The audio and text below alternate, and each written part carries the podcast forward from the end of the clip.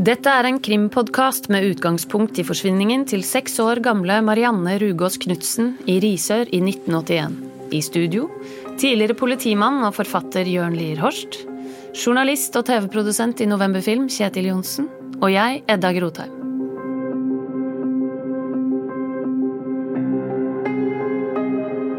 I dokumentarserien Mysteriet Marianne så har vi til nå fått høre om mennesker som tilstår etter døgnlange avhør. Thomas Quick, som eh, tar på seg skylden for et drap han tydeligvis ikke har gjort. Og det kommer tips i dag eh, om folk som har tilstått i fylla. Hvordan kan man vite om en tilståelse er sann eller falsk, Jørn? Ja, det er et godt spørsmål. Eh, for når vi først blir presentert et svar, så vil vi jo gjerne tro på det. Men eh, når det er troverdig, så handler det om når det også bringer fram innsideinformasjon fra saken. Eh, beskrivelse fra innsida av et eh, åsted, eller noen ganger også som kommer med svar som leder politiet til svar de ikke engang visste. altså leder, Noe tilståelse leder fram til funn av et drapsvåpen f.eks., eller til og med hvor et uh, lik er uh, gjemt bort. Uh, når det er sånne objektive opplysninger som kan hektes fast på en tilståelse, så er den jo pålitelig. Har du eh, i din tid opplevd å få falske tilståelser? Ja, eh, altså Falske tilståelser er nok mer vanlige vanlig enn vi skulle tro. Alle etterforskere har mottatt falske tilståelser, men det er jo selvfølgelig ulik grad av det. Tenk deg to menn som kommer over grensa med litt for, mye, litt for mange brennevinsflasker, og så sier sjåføren at alt er mitt. Altså, De deler jo på det, men uh, for å gjøre det billigst for alle parter, så, så tar den ene på seg skylda. Det er jo en falsk tilståelse, uh, og det skjer hver dag. Men så er det jo selvsagt noe annet når det gjelder drapssaker. I sånne saker så har jeg opplevd to ulike former for falske tilståelser. Det ene er jo det jeg kaller for en tredjemannstilståelse. Altså det vil si hvor noen har sagt et eller annet, kommet med antydninger, gjerne i forbindelse med fest eller fyll, eh, hvor andre tolker det som blir sagt, som om denne personen har noe med saken å gjøre. Eh, det er det jeg kaller en tredjemannstilståelse. Som da denne tredjemannen går videre til politiet med de opplysningene, det som har kommet dem for å gjøre. Det andre er jo de tilståelsene som fremsettes eh, direkte overfor politiet, formelt eh, i avhør. Og I Mariann-saken så er det jo faktisk to sånne falske tilståelser. Det er Thomas Quick og så er det Einar Wærland, som begge har tilstått overfor politiet at de har eh, drept eh, Marianne. Hvordan kan det skje? Ja, Falske tilståelser er jo et eh, komplekst og sammensatt eh, fenomen. og den lille erfaringen jeg har med det, er jo at det handler om mennesker som kanskje på et eller annet tidspunkt befinner seg i, ja, i randsonen av en sak, da, litt i ytterkant. At de på en eller annen måte har blitt uh, berørt av den saken uh, det gjelder. Og så blir dette her noe som, uh, som opptar dem i større grad enn det som kanskje vanlige folk ville måten vanlige folk vil reagere og ta det med seg på. Altså, man blir gående og sirkle rundt dette her eh, resten av livet, eh, og så avler det fram eh, så kan det able fram en falsk tilståelse. Altså, gjerne i kombinasjon med mennesker som har et, et ja, kanskje et oppmerksomhetsbehov. Eh, et behov for å bli sett og behov for å bli hørt, som ikke man får tilfredsstilt i det daglige. Jeg er veldig enig med deg i det du sier om oppmerksomhet. fordi veldig mye av det handler om oppmerksomhet. og Jeg vet ikke hvor mange ganger jeg har fått spørsmål om hvordan i all verden klarer dere å få alle disse skurkene eller kriminelle til å stå mm. frem på TV. og Det er litt det samme.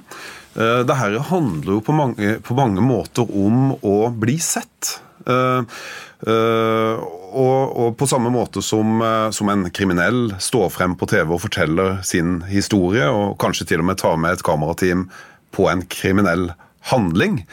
Eh, på samme måte så, så vil en som erkjenner f.eks. da å ha drept noen eller gjort noe kriminelt, også søke Eh, oppmerksomhet. Og I Marianne-saken så har så er det riktig som du sier, vi har to tilståelser. ikke sant, Det er Wærland og Kvikk.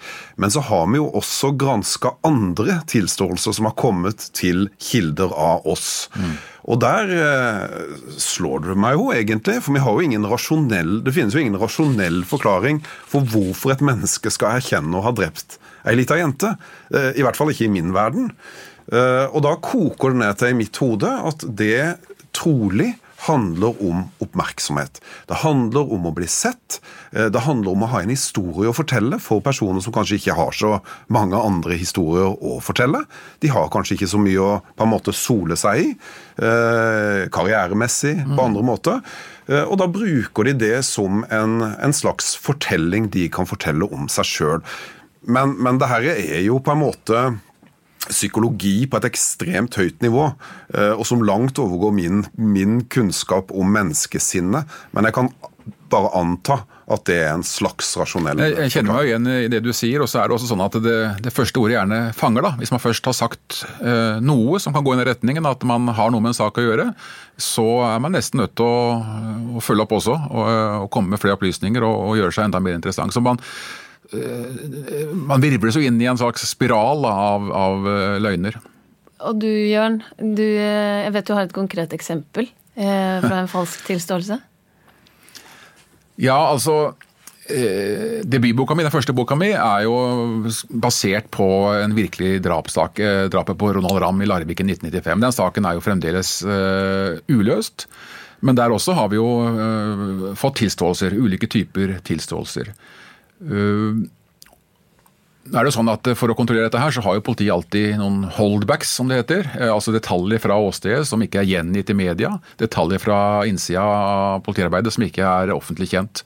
Så når denne mannen ble presentert med og forespurt de detaljene, så, så kunne jo ikke svare. Han, han, altså det han tilstår til slutt, er jo drapet sånn som jeg har beskrevet i, i boka mi. for jeg har jo forandra på detaljene, ikke sant. Så han hadde iallfall lest boka, da, men han hadde nok ingenting med saken å gjøre i, i virkeligheten. Hvorfor er tilståelsen viktig?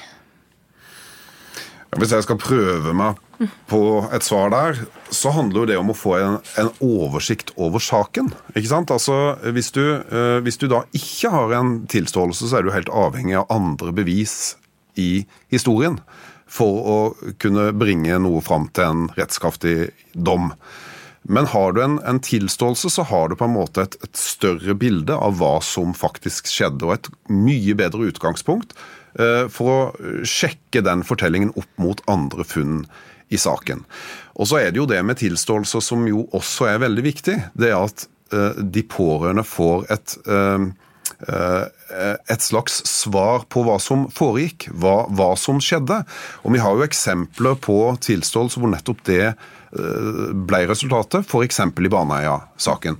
Hvor Jan Helge Andersen, som da blir pågrepet for eh, drapet på disse to småjentene i Baneheia, eh, forteller politiet hva som skjedde. Det gir jo selvfølgelig politiet en anledning til å sjekke opp den fortellingen mot andre funn i saken, men det gir også de pårørende et svar på hva som skjedde. Eh, og det skal en ikke underkjenne i den type alvorlige straffesaker. Bare se på Tore nå, eh, i Marianne-saken. Hun har ikke noe svar.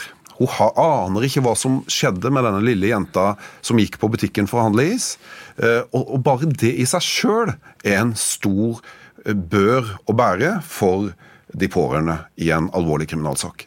Mm. I jakten etter å ville finne svar, eh, så har man jo da kanskje tidligere tider vært veldig opptatt av denne tilståelsen. Hvordan jobber politiet i dag? Ja, altså Avhøret da har jo alltid vært sentralt i enhver, altså alle taktiske etterforskninger. Eh, og det er det, det, er det fremdeles. Men uh, man fokuserer jo ikke på en tilståelse. Uh, det man fokuserer på er jo den mistenktes eller siktedes frie forklaring. Og det man ønsker å oppnå med det, er jo å prøve å Eh, redusere antallet mulige plausible bortforklaringer da, eh, som en mistenkt person kunne finne på å komme opp med. Eh, altså Ved å redusere plausible bortforklaringer, så eh, si et åsted, da. Også på dette åstedet så, ja, så finner man hår fra den mistenkte. Så Hvis man tidlig i forklaringen får han til å binde seg til og til å si at eh, 'jeg har aldri vært i det huset før', så har man jo eh, stengt inn en plausibel eh, bortforklaring. Han kunne ha vært der for en, en, måned siden på besøk og ikke hatt noe med, med saken å gjøre.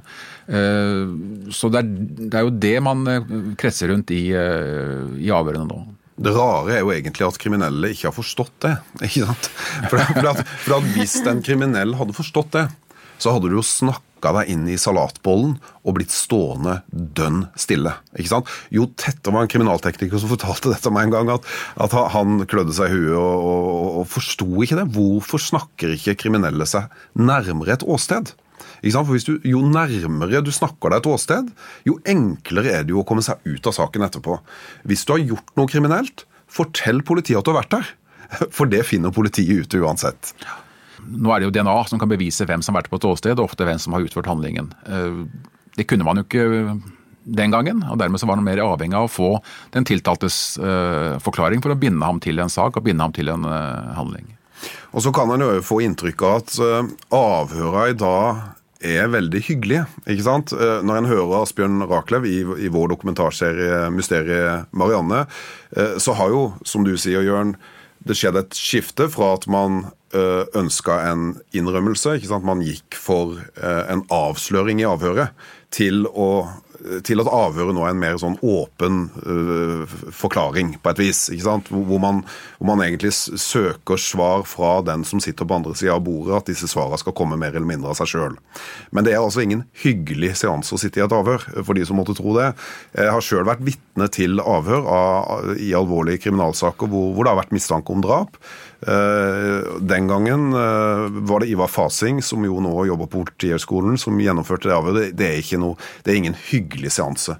Altså, det er slitsomt og utmattende å sitte i et avhør. Eh, som mistenkt og kanskje sikta, så må du ha kontroll på fortellingen til enhver tid. Avhøret går over lang tid, selv om det ikke går over 30 timer, sånn som det gjorde i, før i tida. Så er det intensivt, det er intenst. Og det er en ganske tøff menneskelig belastning. Så for de som måtte tro, etter å ha sett Mysteriet Marianne, at det er en veldig sånn piece of cake-situasjon å sitte et avhør, så er det altså ikke det. Men det vet jo sikkert du mye mer om, eh, Jørn, som, som jo har, har, gjennomført avhør. Men det, det er jo ingen det er jo ingen hyggelig, det er ingen kosestund. Nei, og så er jo avhørene lagt opp sånn at de, de, mer konfronterende og ubehagelige spørsmålene de kommer jo etter hvert. Det kan kanskje begynne hyggelig, men uh, temperaturen vil jo, vil jo, stige når uh, spørsmålene blir vanskeligere og vanskeligere å, å svare på. Og da er det jo sånn da at Løgnen vil jo strengt tatt være den enkleste utveien for den som sitter på andre sida av avhørsbordet. Uh, det å innrømme skyld, det, jo, altså det vil jo medføre det umiddelbare fall. altså Det vil jo kunne medføre eh, årevis eh, i fengsel. Eh, så løgnen vil jo være den enkleste veien ut. Og jeg husker Ivar Fasing sa den gangen etter det avhøret til oss at så kan huske at den personen som sitter på andre sida av bordet, opplever det her som en ekstremt alvorlig og viktig situasjon. Og som han sier, jeg ønsker å signalisere til den personen at det du sier nå, det kan få konsekvenser for resten av ditt liv. Og Det signalet man da sender for resten av ditt liv. Og I drapssaker så er jo det altså Ja, for noen så er det jo faktisk bokstavelig talt resten, resten mm. av livet. Ikke sant? Og da Det alvoret, når det liksom går inn over den som da er sikta eller mistenkt, eh, så er det klart det er beinhardt. Så kan man jo komme med altså innvendingen mot denne avhørsformen, da, hvor man eh, skal ha en fri forklaring og så komme med det konfronterende etter hvert, er jo at Eh, den som sitter der, begynner jo da med å vikle seg inn i en løgn. Kanskje kunne det vært lettere å tilstå dersom man fikk presentert solide bevis i en innledende fase. Altså Når man først har begynt å lyve, så er det vanskelig å snu og gå tilbake. Så denne avhørsformen har jo, den er jo tosidig, altså. Fordi igjen, som du sier Kjetil, at tilståelsen vil jo kunne gi svar som de tekniske bevisene ikke kan eh, gi oss. Eh, det er bare en uforholden tilståelse som kan fortelle de pårørende etterlatte hva som egentlig skjedde eh, i løpet av fatale minutter. Mm, og så er det jo sånn at en, et, en erkjennelse i et avhør, altså hvor den sikta påtar seg skylda og erkjenner å ha gjort den kriminelle handlingen, står jo veldig sjeldent som et bevis alene. Mm. Derfor er det jo viktig å samle opp tilleggsinformasjon, altså bygge en indisierekke mot denne personen. Og Det ser vi jo også tilbake til Baneheia, eh, hvor, hvor, mye rabalder den type domfellelser kan føre til i ettertid. Hvor man på en måte har Jan Helges forklaring, eh, og så vil noen si det er også det politiet har. Og så er det jo ikke sånn, for politiet har eh, en lang rekke indisier som forteller noe om hendelsesforløpet og forteller noe om disse to karene i Baneheia. Så, så, det er jo ikke sånn at de, liksom, det er det eneste de to ble domfelt på. Men det er klart det er kjempevikt, et kjempeviktig element.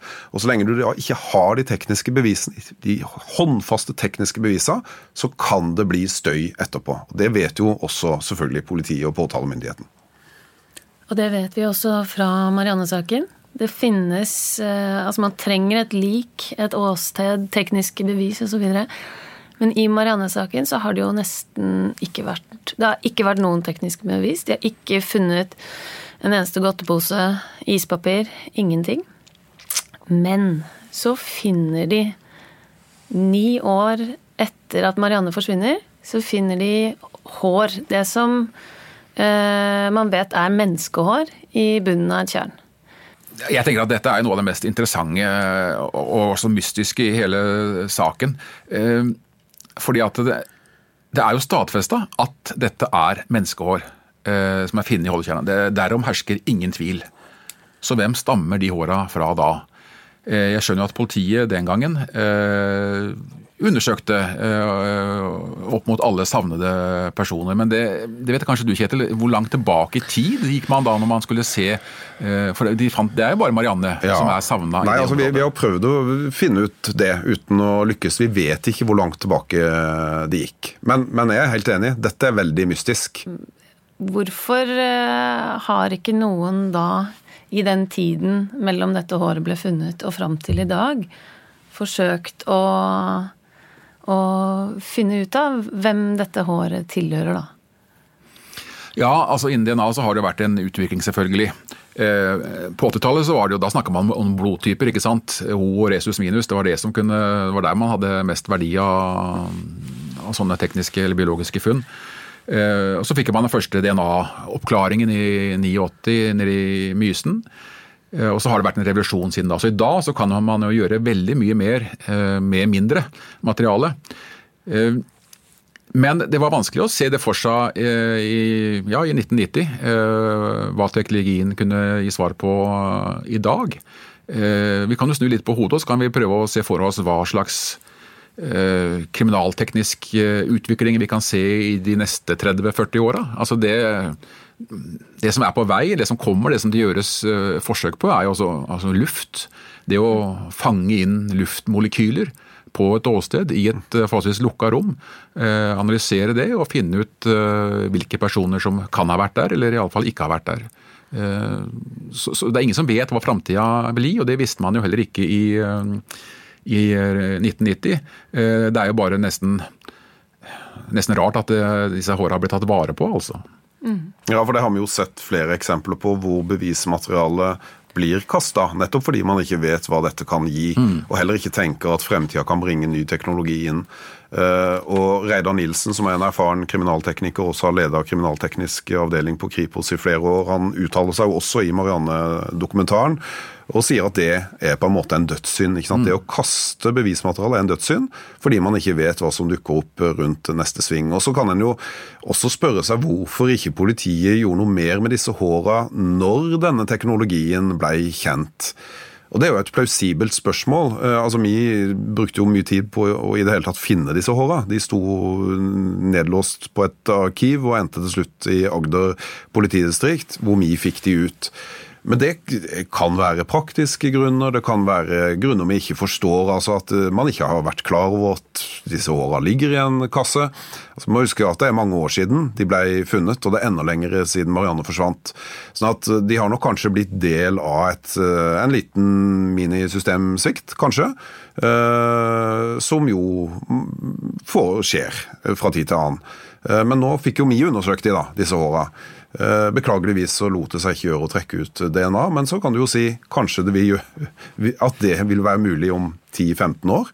Sånn at eh, det er jo da viktig å ta vare på disse håra fram til, til, eventuelt en enda bedre teknologi foreligger, så man kanskje kan få svar på hvem disse håra tilhører. Hvor sannsynlig er det da at Marianne kan ha blitt eh, dumpet i et vann? Ja, altså et eller annet sted er hun jo.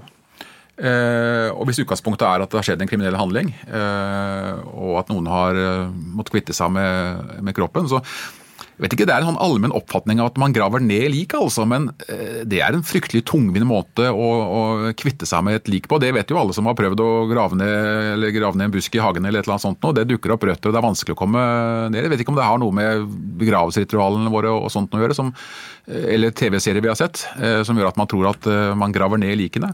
Jeg har ikke, altså Det skjer jo fra tid til annen. Jeg har ikke vært med på å grave opp noen lik, men eh, jeg har hentet opp eh, mange fra vann. Så, så vann er jo kanskje den mest effektive måten Eh, å kvitte seg med de synlige bevisene på. Ellers er jo det også veldig vanskelig eh, hvis man prøver å sette seg inn eh, i, på, på, fra moderens perspektiv. ikke sant? Det, det å, å, tenke rasjonelt, for da, da, skal du på en måte ha planlagt dette veldig godt. Hvis du skal på en måte klare å eliminere bort et lik etter et, etter et drap. Uh, I kaoset som da oppstår. Mm Eh, så skal du på en måte vite hva du, hva du, driver med for å lykkes med å skjule et lik. Og da er kanskje den enkleste utgangen et vann eller et tjern mm. eller, eller, havet eller en Ikke sant? Men, mens det er jo heller ikke nødvendigvis det smarteste, for Nei. man vet jo at kropper flyter opp. Eh, og før eller siden kommer til syne. Jeg husker vi fulgte en drapssak i Alta, eh, hvor, hvor drapsalarmen gikk. Eh, man kom inn på, i dette åstedet, på, i dette huset, eh, og det var ingen åpenbare spor etter at det hadde skjedd et, eh, et drap der. Men fyren som bodde der, var borte, og man antok han var drept. Så går politiet veldig sånn nennsomt til verks, beveger seg sakte innover på åstedet. Og der, under senga til, til offeret, altså under hans egen seng, ligger han innpakka i plast. Og det er klart, det er jo et veldig dumt sted å legge et lik. Eh, ikke sant? For at dette vil jo begynne å lukte, og, og, før eller siden kommer det til syne. Det er nok som du sier, altså en litt sånn uh, panisk, rask tanke. Uh, ute av syne, ute av sinn. Uh, lik blir ofte skjult bare under noen kvister eller under noen bølgeblekkplater eller den slags. Hvordan man iallfall kjøper seg litt tid da, med tanke på, på handlingen. Og ikke en permanent løsning på, på det å skjule liket. Eh, jeg tenker på synske. De bidrar jo også ofte inn i eh, savnetsaker. Eh, hva er dine tanker om det, Kjetil?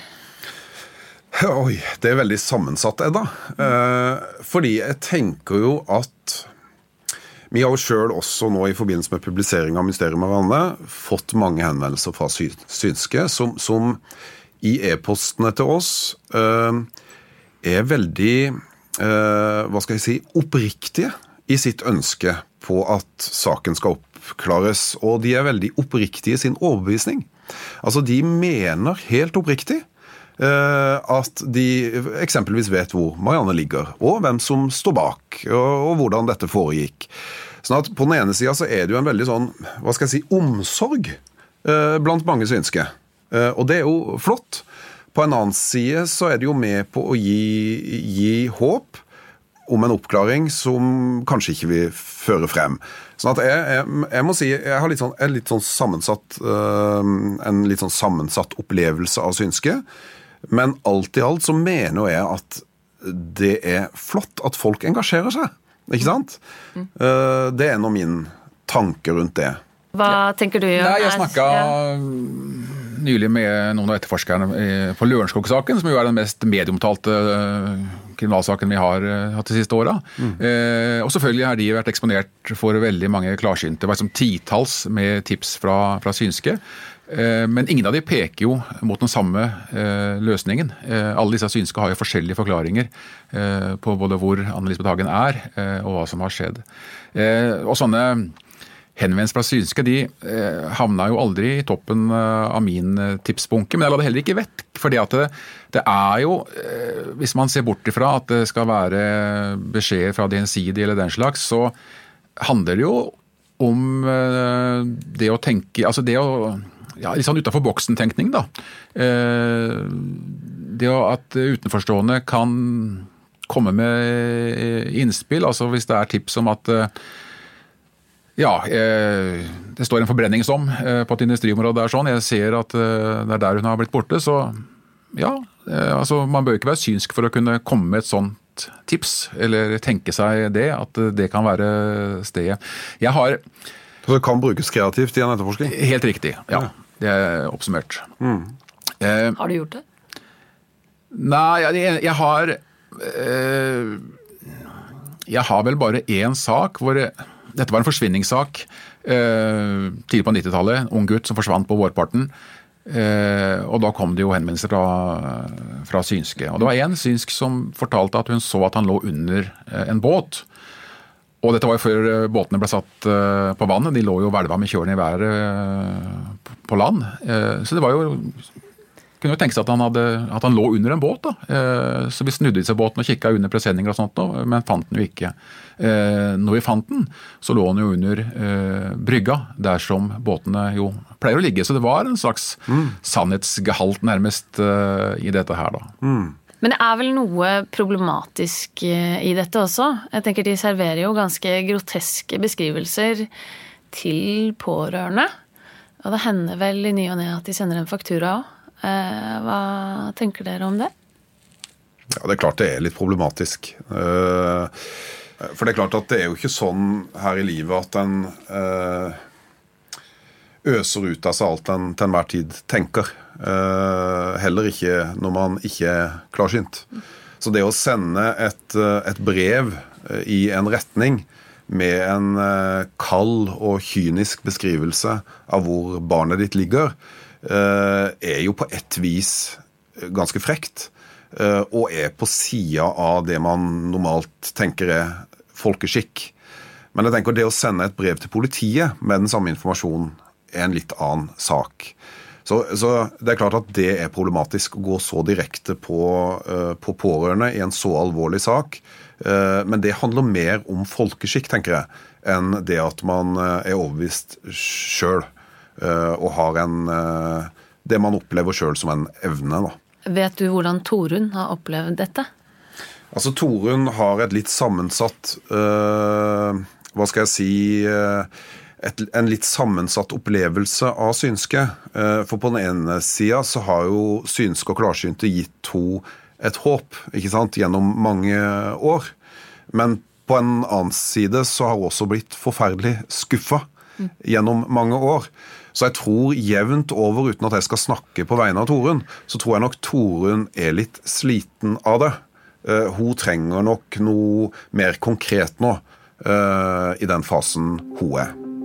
Nå gjenstår det kun én eh, episode av dokumentarserien Mysteriet Marianne. Neste gang vi sitter her, så er alt ute. Og da skal vi snakke om hvem som faktisk kan ha gjort dette.